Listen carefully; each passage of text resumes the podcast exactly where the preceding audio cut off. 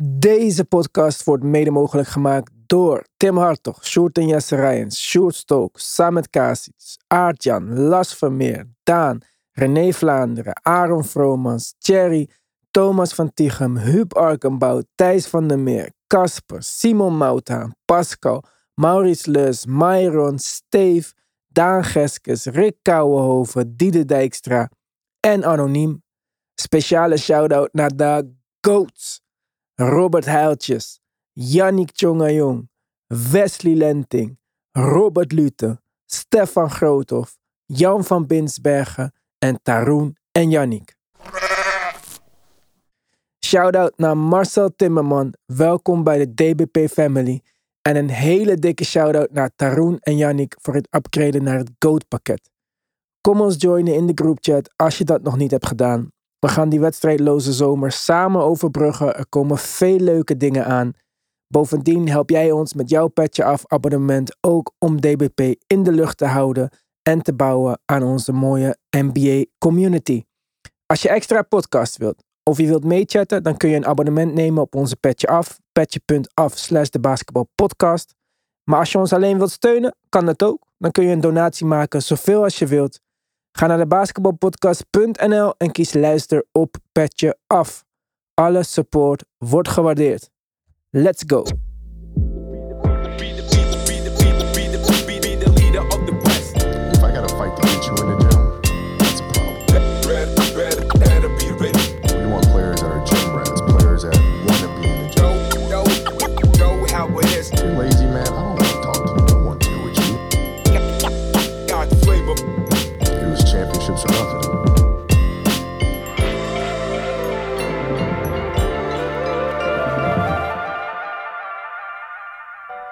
De Golden State Warriors zijn NBA champions.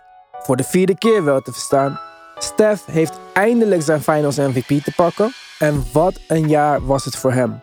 All-time leader in threes, All-Star MVP, Western Conference Finals MVP, Finals MVP en NBA champion. De eerste speler met drie MVP's in één seizoen. De Warriors hadden een offensive rating deze finals van 115,8 met Steph on the floor en 88,6 met Steph off the floor. Hij is gewoon zo belangrijk voor dit Warriors systeem. De Warriors Big 3 hebben nu meer kampioenschappen samen dan Jordan Pippen en Rodman, Magic Kareem en Worthy en Burt McHale en Parrish. Maar eigenlijk was Wiggins de nummer 2 speler van de Warriors deze finals. En misschien wel van de hele serie. Met 4 steals, 3 blocks en 18 punten heeft hij wederom zijn stempel op de wedstrijd gedrukt. En met zijn elite defense en shot creation misschien op de hele serie. Steve Kerr gaf op het podium de props aan Bob Myers voor het bouwen van het team. Maar Kerr zelf heeft nu 33% van de laatste 27 NBA Finals gewonnen. Met Curry nog in topvorm en nog maar 27-jarige Wiggins en Kuminga en Wiseman achter de hand, ziet de toekomst er rooskleurig uit in San Francisco. Het wordt ook nog geen 27 graden hier in Nederland, dus ik denk al met al een mooie dag voor Warriors fans. Mark, jij als Celtic fan, had je nog gehoopt op een wonder of zag je erbij al hangen? Um, ik denk na vorige wedstrijd. We zagen dat er heel veel grote problemen waren. Natuurlijk, we zeiden als ze turnovers in de gaten kan houden deze wedstrijd, hebben ze een kans. En uh, dat hebben ze niet gedaan. Waardoor de Warriors uiteindelijk 14 meer possessions kreeg. En waarvan ze eigenlijk 10 meer punten hebben gescoord. En dat was de difference.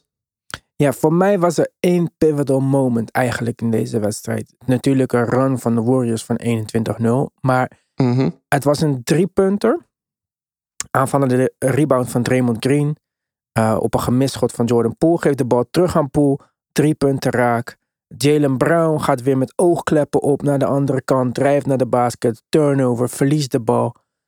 Outlet pass. Dunk van Wiggins.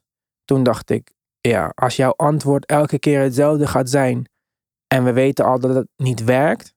Dan gaat het ook niet deze wedstrijd werken. En toen dacht ik wel van ja, dit is hem man. Ja, helemaal met je eens. Um, het was inderdaad een, een kwestie van uh, Boston dat juist in die pivotal fase toch wel erg bleef, hetzelfde bleef proberen.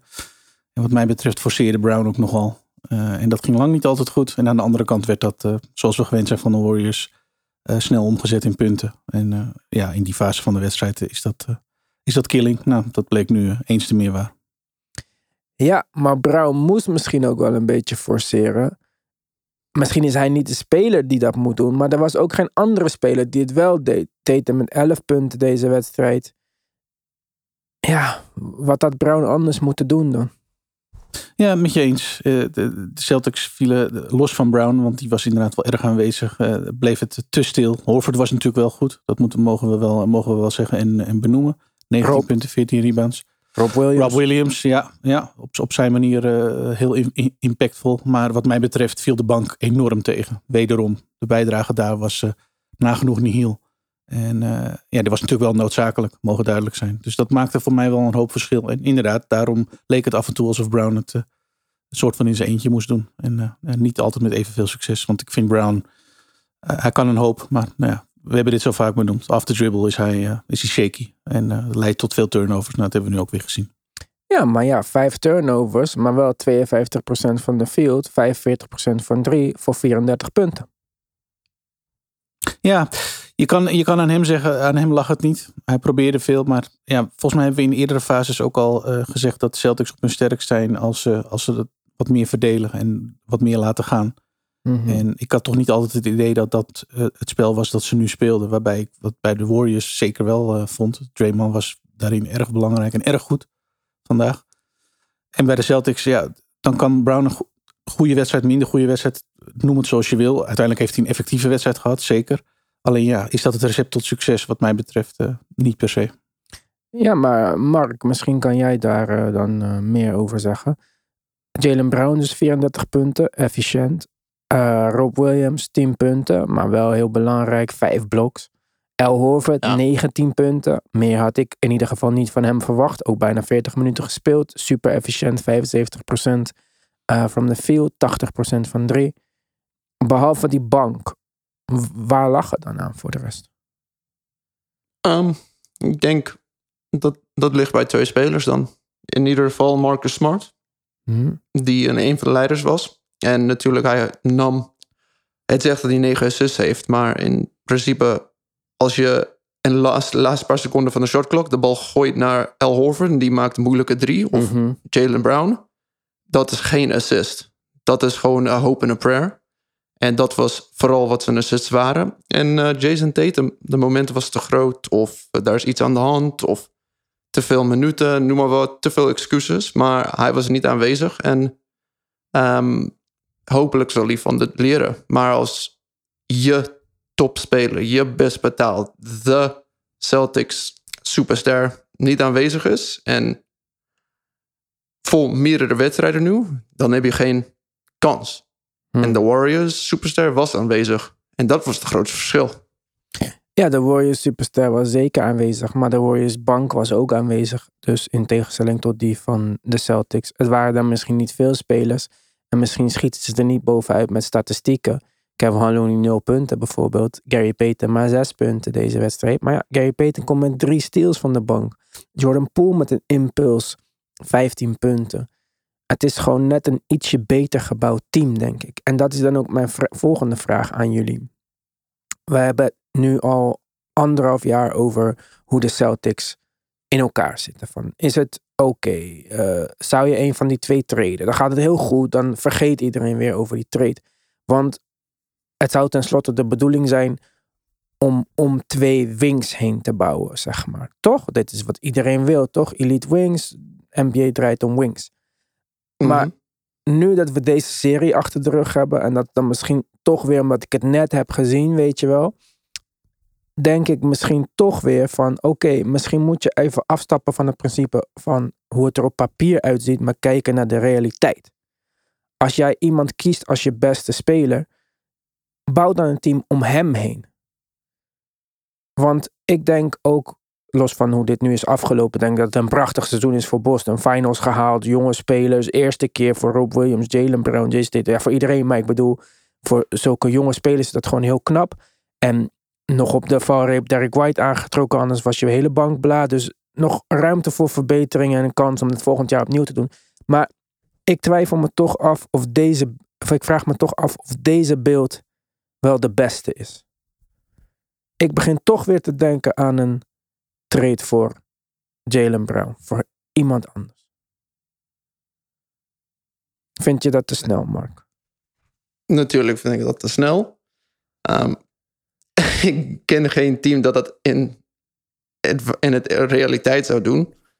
Dat slaat niet aan. En ze hebben hun beste seizoen ooit gehad. Dus het lijkt me niet slim om dan iets aan te passen. Je gaat dan volgend jaar, als ze in de eerste ronde uitgaan, bijvoorbeeld, dan Mhm. weet je het klaar. Maar je, na een finales, met jonge spelers, moeten dat niet vergeten. Mhm. Ik zou niet aanraden. Mm, Ze hebben heel veel mogelijkheden, want ze hebben heel veel eh, trade exceptions van Kemba Walker, van Tristan Thompson. Dus ze hebben nog steeds mogelijkheden om een piece te absorbe- absorberen.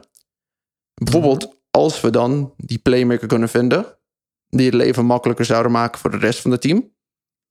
Ja, dan zie ik een grote kans. En je hebt dan de building blocks. Maar stel je voor dat je die playmaker vindt dan. In plaats van wie gaat die dan spelen? In plaats van Marcus Smart. Of ga je met Rob Williams en Jason Tatum in de frontcourt spelen? En Al Horford op de bank. Er moet wel een speler aan de kant ook. Natuurlijk, maar je zag, ze hebben heel veel. Al Horford heeft in meerdere wedstrijden in de finale zelfs 23 minuten gespeeld. Dus je Mhm. hebt nog steeds heel veel ruimte. Ze speelde Derek White boven de 20 minuten af en toe. Mhm. Dus in plaats van dat je smart 44 minuten speelt, kun je hem 35. Verder, Nou, in plaats van dat Jason Tatum de top 5 minuten is dit jaar, of de laatste twee seizoenen en Jalen Brown ook, kun je hun minuten naar beneden brengen. Dan zijn ze ook meer fit. Want bijvoorbeeld Brown heeft ook blessure opgelopen eind van de wedstrijd. Eh, er zijn te veel, als iedereen 44 minuten gaat spelen, elke wedstrijd, Mhm. je merkt gewoon, ze worden ook ouder. Dat je ook meer in de problemen zal komen. Het is perfect, zoals de Warriors hadden, dat je het 35 minuten kan spelen in de regular season. Niet meer, eh, net zoals ook de Spurs deden. Ja, Maar als je 44 minuten gaat spelen de hele tijd, je gaat een blessure oplopen. Oké. Nou, Jij niet? Vind je niet? Vind je van niet? ik denk niet dat eh, met dit team zoals het currently constructed is, dat je volgend jaar een betere kans maakt. Omdat ik denk dat iedereen die je nu uit de starting five eruit gaat halen voor meer playmaking, ga je defense opgeven. Ik denk dat zonder defense waren ze niet zo ver gekomen. Mhm. En ehm Al Horford is gewoon voor mij een groot onderdeel van waarom dit team zo goed werkt. En ik kan me gewoon niet voorstellen dat hij nog zo'n jaar in zich heeft. 36 nu al. Ja, dat vind, dat vind ik lastig om te voorspellen, zeg maar. Misschien heeft hij er nog één. Dat kan, dat kan ook 100%. Maar daarom denk ik dat het moeilijk wordt. En daarom denk ik dat ik het misschien anders zou doen. Maar ik snap ook dat Boston dat niet anders zou durven doen. Of dat Boston fans nu thuis zitten en denken: nee, natuurlijk gaan we niet dit doen. Maar ik zou er zeker over nadenken van de zomer. En de enige reden dat het niet gaat gebeuren, als ze Jalen Brown treden, Mhm. volgend jaar zijn ze in de eerste ronde uit, Mhm. dan heeft Brad Stevens zijn baan kwijtgeraakt. Ja. Dus ik denk gewoon voor zijn eigen job security. Het is veiliger om te runnen, om het terug te of te reset het en volgend jaar weer opnieuw. In plaats van een grote verandering maken. En jij zou het ook zelf niet willen zien, zeg maar? Of jij vindt echt van: nee, nee, nee, dit is de core en ik wil dit zeker nog terugzien. Als Boston-fan. Ik heb het vijf jaar gekeken nu. Mhm. Ehm, ik heb soort van hetzelfde gevoel dat ik had met OKC. Het, je, je zit op de rand, maar je mist wel iets. Bijvoorbeeld toen Katie en Russell Westbrook waren. te- Ze waren wel aan de kast, maar ze misten altijd iets. Deze team mist wel iets. Ehm, en ik weet niet hoe ze dat gaan oplossen. En het is gewoon gevaarlijk als je aan de kast bent om een grote verandering in te brengen. Want je weet niet, dat uncertainty. En uncertainty is niet altijd de beste oplossing. Oké. Tim, wat zou jij doen? Jij bent eh, een beetje neutraal in deze. Ehm, het is duidelijk dat, uh, dat op deze manier je mag verwachten dat je niet volgend jaar opeens wel de titel gaat winnen. Ik denk dat er inderdaad uh, aanvallend iets moet veranderen. En uh, het playmaking verhaal snap ik wel. Los van de diepte trouwens. Ik denk dat we het met z'n allen over eens zijn dat, dat dit Celtics team gewoon ook wat diepte miste. Maar dat zou zeker je, hebben geholpen, ja. Dat kun je redelijk in de marges oplossen, denk ik. de playmaking verhaal natuurlijk iets minder makkelijk. Uh, maar ik denk wel dat ze daarna moeten zoeken. Dus dat, dan ga je inderdaad naar de scenario waarin Horford wat, misschien in wat minder minuten van de bank komt. Met zijn leeftijd denk ik geen slecht plan. En dan hou je hem wel, hou je hem wel maximaal. en dan denk ik wel dat dit Celtics team er aanvallend ineens een stuk effectiever uit kan zien. Niet alleen voor bepaalde stretches, maar ook gewoon voor een heel seizoen en een diepe postseason run. Want ja, op een gegeven moment heeft een ploegje in een serie ook wel, ook wel herontdekt. Of eigenlijk uitgevonden. En daarin vond ik de Celtics verder dan niet veel meer inventief. En daar hadden ze het personeel ook niet naar. Smart viel daarin ook niet mee. Nee, we hebben het vaker over Smart gehad. Dus ik denk wel dat als dit team het voor elkaar zou krijgen om een playmaker aan te trekken die, nou ja, in ieder geval defensively een beetje zichzelf kan, kan houden. Mm. dan lever je misschien defensively iets in, maar ja, offensively maak je dan wel stappen. En die stappen zijn duidelijk nodig om uh, deze titel te winnen. Ze waren defensively goed, maar kwamen aanvallend gewoon tekort dit jaar. En ja, dus wat mij betreft ligt, ja, als je al veranderingen aanbrengt, daar een beetje de focus op. Maar ja, het is de bekende, bekende wereldje van de NBA waarin er eerder wordt gereageerd dan geanticipeerd. Het voorstel dat jij doet, Ivan, is natuurlijk meer anticiperen op volgend jaar. En Mark zegt terecht, ja, als je er volgend jaar in de eerste ronde uitvliegt, dan zie ik wel veranderingen gebeuren. Ja, dat zou reageren zijn. het zou Steven sieren als hij het aandurft om uh, in dit geval te anticiperen en te zeggen van ja, we hebben nu iets moois staan. Maar alleen met dit gaan we het volgend jaar niet opeens wel winnen. Natuurlijk zit er ontwikkeling in die ploeg, maar deze core is ook al lang bij elkaar hoor. Dus ik hoop dat ze iets aan die playmaking gaan doen. Ja, Brad Stevens moet naar de basketbalpodcast luisteren. Want uh, hier werd mhm. alles uh, voorspeld uh, hoe dit zou aflopen. Ja, ik weet niet. Ik, ehm, ik zou het gewoon doen. Maar ja, ik ben zo'n fantasy GM die gewoon lekker zit te klikken. En waarom niet?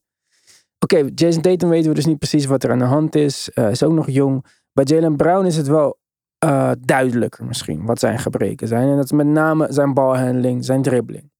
Is dat iets wat je in een zomer trainen, oefenen kan oplossen?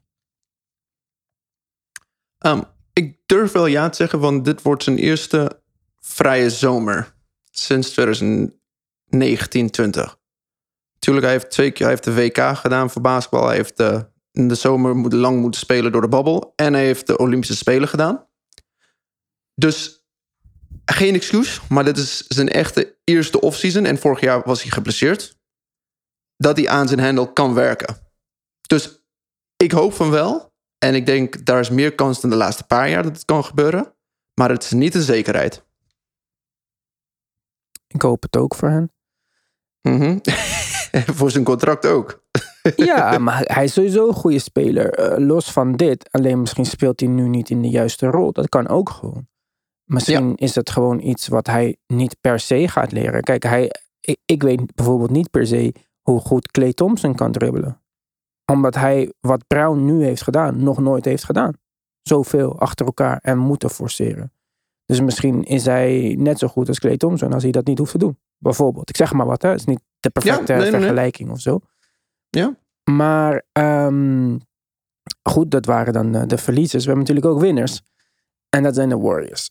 Ik zei het al in de intro, toekomst lijkt rooskleurig. Steph lijkt nog in supervorm, is natuurlijk een van de meest fitste spelers ook in de NBA. Clay Thompson met vlagen misschien deze finals, zeg ik dat goed? Ik denk het wel. Ja. Uh, Andrew Wiggins nog jong en onder contract. Draymond is Draymond. Ik weet niet eens wat je met hem zou moeten doen. Maar James Wiseman komt eraan. Jonathan Kaminga komt eraan. Jordan Poole, die deze playoffs misschien defensively niet zo goed was, heeft wel laten zien dat hij ook offensively mee kon op dit niveau. Ook misschien meer met vlagen. Maar goed, hij is nog jong en er is tijd om dit te laten groeien.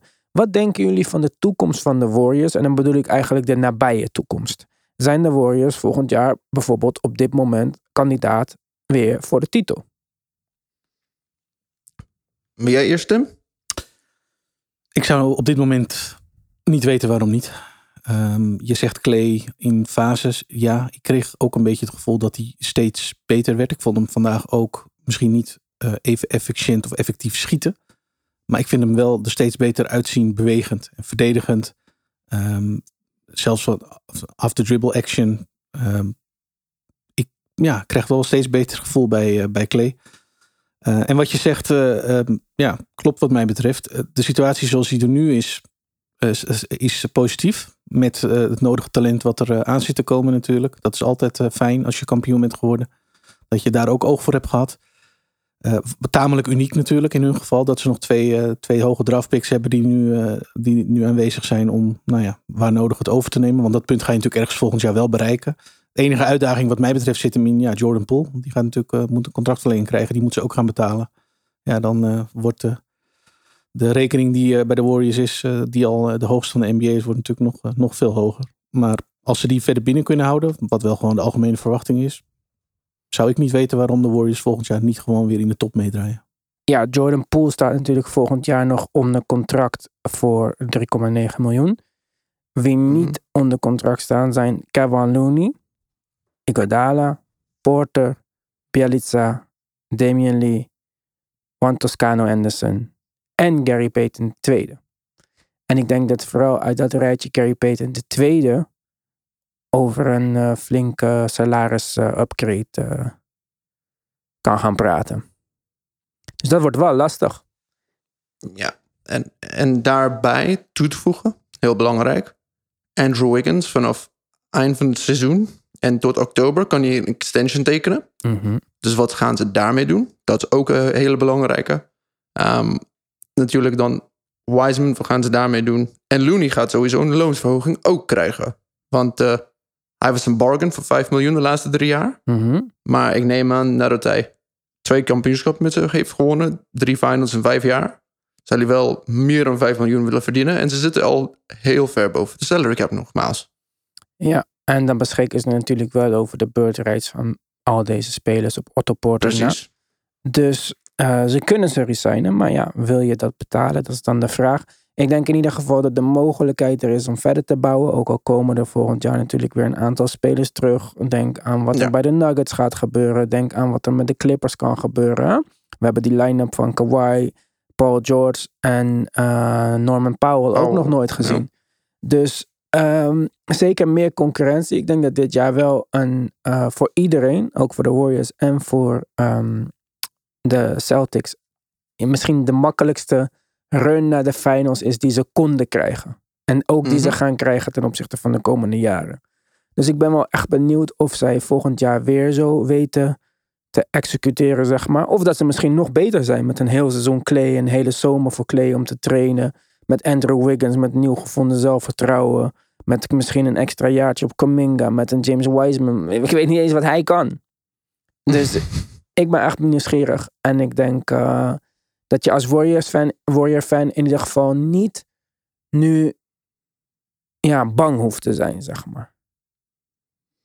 In tegenstelling tot vele van ons met favoriete teams waar het ja, toch wat meer eh, onzeker is allemaal. Ja, absoluut. Ik, eh, ik denk dat het vooral eh, in hun eigen handen ligt. En de vraag zal zijn, wat wil je betalen voor de spelers? Eh, zij zitten natuurlijk zo diep in de luxury tax dat elke signing die ze doen... of elk geld dat ze terughalen zichzelf, laten we zeggen, verhoogt met, met 1, 1, 1,5 of 3,5 keer zoveel. Dus spelers waarvan wij denken dat ze 5 of 10 miljoen per jaar verdienen... kosten de Warriors natuurlijk een hoop, hoop meer geld. En de vraag is, ja, voor wie betaal je dat wel en voor wie betaal je dat niet? Maar het ligt in ieder geval binnen hun eigen invloedssfeer. En dat lijkt me heel prettig. Lijkt mij ook. En, en wat ook belangrijk is, dat is een eigen dat is eh, ownership die wilt betalen en extra alles wil geven om te winnen. En het is ook een team die kan, that can rely on their defense. En als je altijd op je defense kan, eh, als je altijd een goede defense hebt, dan heb je altijd goede kans. Natuurlijk, offense zal altijd komen met wie ze hebben. Maar de defense is altijd zo goed geweest, zorgt ervoor dat ze altijd in de running zal zijn. En dat is mogelijk waar die jonge spelers als Kaminga en Wiseman ook aan kunnen bijdragen. Want dat zou op, op zijn minst zijn wat zij moeten kunnen bijdragen de komende jaren. Goed, we gaan het zien. Dat sowieso nogmaals eh, gefeliciteerd aan de Warriors fans. En eh, ik vind dat de Boston Celtics fans niet hoeven te treuren. Want is gewoon een super seizoen. En ook zij zijn nog jong en hebben ruimte tot groei. Dus eh, iedereen moet gewoon blij zijn. Neutrale fans, ja, iets wat teleurgesteld. Geen Game 7, maar alsnog. Ik denk een mooie finals, een mooie playoffs. Wij stoppen niet. Voor ons is het geen finals, geen playoffs. Wij gaan gewoon vrolijk verder. We gaan zaterdag al verder met een petje af uitzending natuurlijk. Want we hebben gewoon trades. En niet zomaar trades. We hebben gewoon major trades voor Tim's team. Dus dat gaan we bespreken. We zijn er de hele zomer met de nieuws, met updates, met in-depth dives into spelers, teams. Het wordt hartstikke leuk. Ehm, iedereen bedankt voor het luisteren sowieso. Deze finals. We hebben erg ons best gedaan om uh, deze playoffs sneller te reageren. De volgende dag al, de volgende ochtend. Ik hoop dat jullie dat leuk vonden. We zijn er vanaf nu weer gewoon met vaste uitzendingen. We gaan natuurlijk een draft special doen. Er komt nog zoveel leuks aan. Dus nogmaals bedankt voor het luisteren. Geniet van de dag vandaag, want het is hartstikke mooi weer als je naar buiten kan gaan. En dan uh, zijn wij er voor de petje afleden morgen alweer. En is volgende week.